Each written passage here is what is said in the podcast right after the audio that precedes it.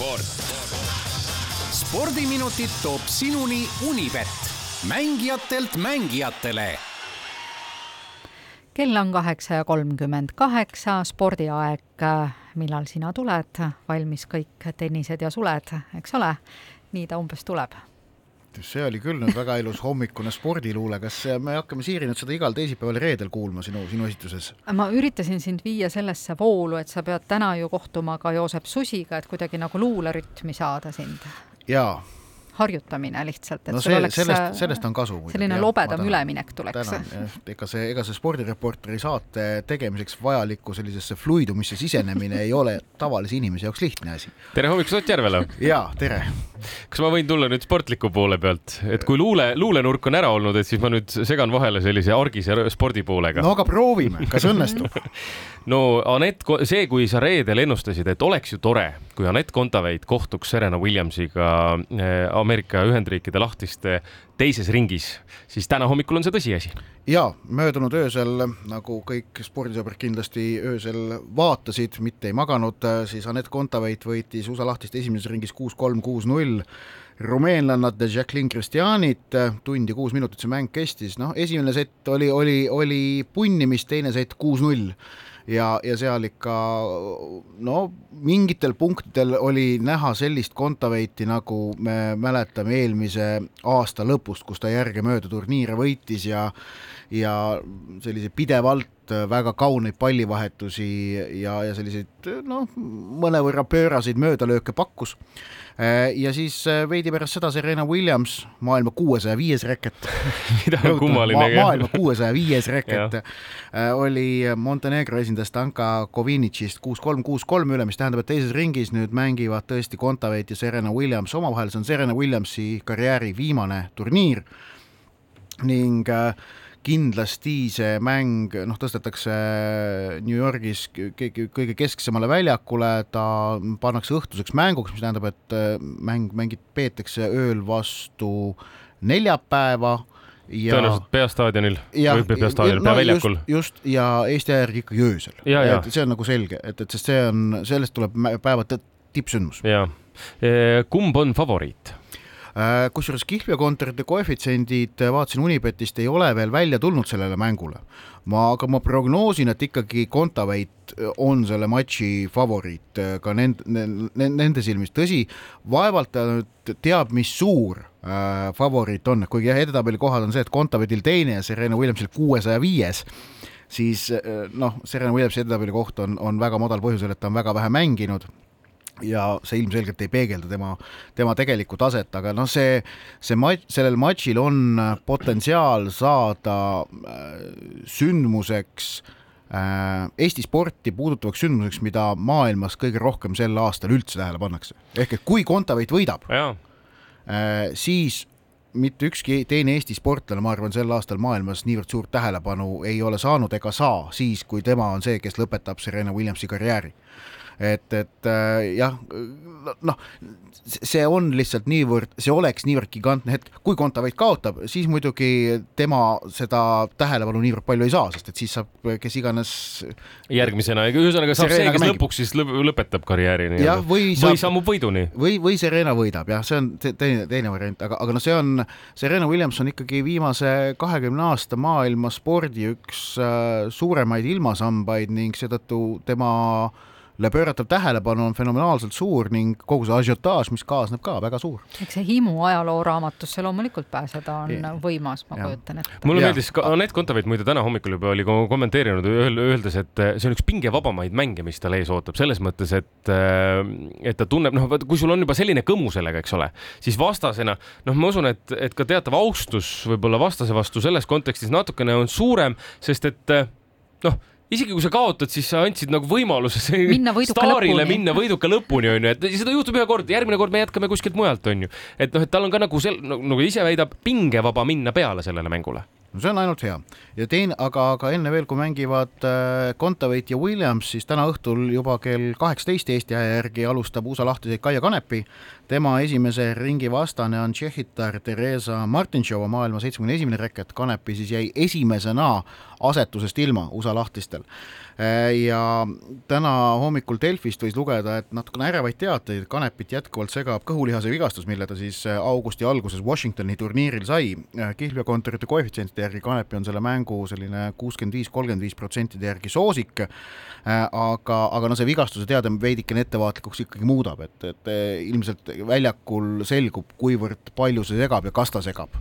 Äh, ja, ja eks see, see siis sunnib ka edasisi sihte seadma jalgrattaspordi juurde, oota, oota, ma otsin kohe selle Jaan Martinsoni tänase artikli, kuidas see sõnastatud oli. Taaramäe taat on pensionile mineku asemel elu parimas vormis.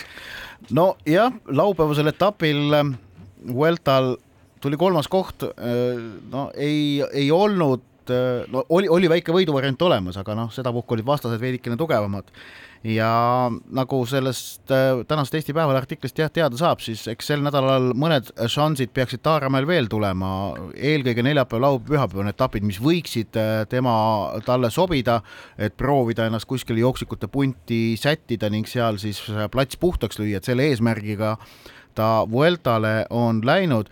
Ja minu meelest kogu see olek, mis temast on õhkunud, et Alvar Tiisler oli ju kohapeal äh, tema seal tegemisi kajastamas ka ja no, justkui viimane see, aga Taaramäe, ma saan aru, täna lugesin just artiklist, ütleb, et arvestades, mis vormis ma olen, ma ei kavatsegi lõpetada ja, ja aga, aga ühesõnaga, et no kogu see olek, mis Taaramäes seal on õhkunud, et ta on nagu väga sellises äh, paistab olevat mõnusas nagu mõnu, mõnusas tunde, mõnusat tunnet täis mm. -hmm. ja, ja vaatame, kuidas seal Vueltal siis läheb.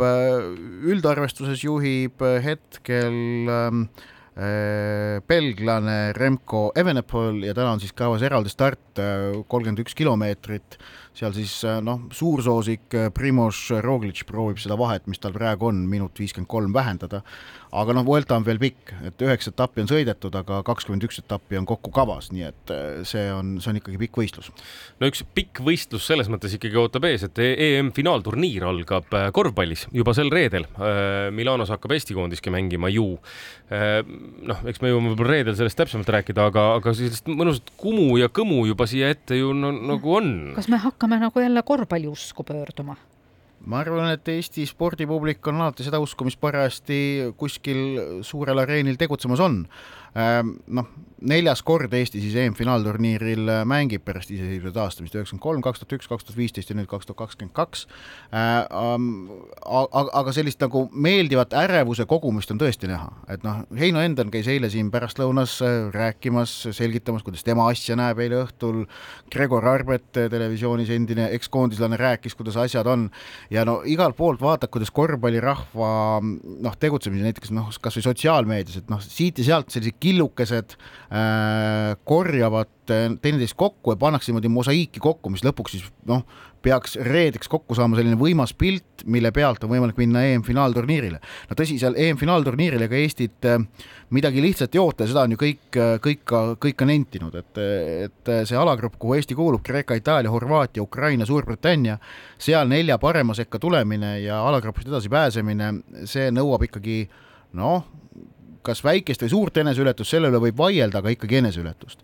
et, et Suurbritanniaga on, on nagu jõuvahekorrad vast kõige võrdsemad, aga ülejäänud koondistega on keerulisem, et Ukraina on nendest ülejäänutest kõige, kõige hammustatavam mm. -hmm. aga, aga jah, sellist nagu, sellist nagu jah, sellist nagu tunde kokkukorjamine, see nagu minu meelest käib küll, seda on nagu näha. ootusärevust on õhus natukene. ja, ja noh, aga nii see käib ka, et nagu narr oleks see, kui, kui minna niimoodi ükskõiksena suurturniirile vastu, et noh, ärme siin ennem midagi tead rääkima hakka, no ootame, las mängivad ära, siis, siis hakkame arvama, no see on selline, see on, see on lihtsalt narr ja loll hoiak, et noh, spordis peavad, peabki natukene unistama, natukene liiga palju uskuma, kui seda kõike, kui see kõik ära võtta ja muuta sport selliseks üdini matemaatilis, pragmaatiliseks äh, lähenemiseks siis või valdkonnaks, siis noh, see, see võtab ju palju lõbu ära, et noh, et noh, mina ei käiks teil siin hommikuti juttu ajamas siis, kui, kui, kui, kui, kui spordis oleks ainult nagu noh, protokoll loeks ja kõik see abstraktne mõtlemine sealjuures äh, ära võtta, nii et. just, just, me jõuame jälle luule juurde. ja, ja te ju tahate, et ma käiksin. muidugi tahan, tahame, me väga tahame, et sa käid.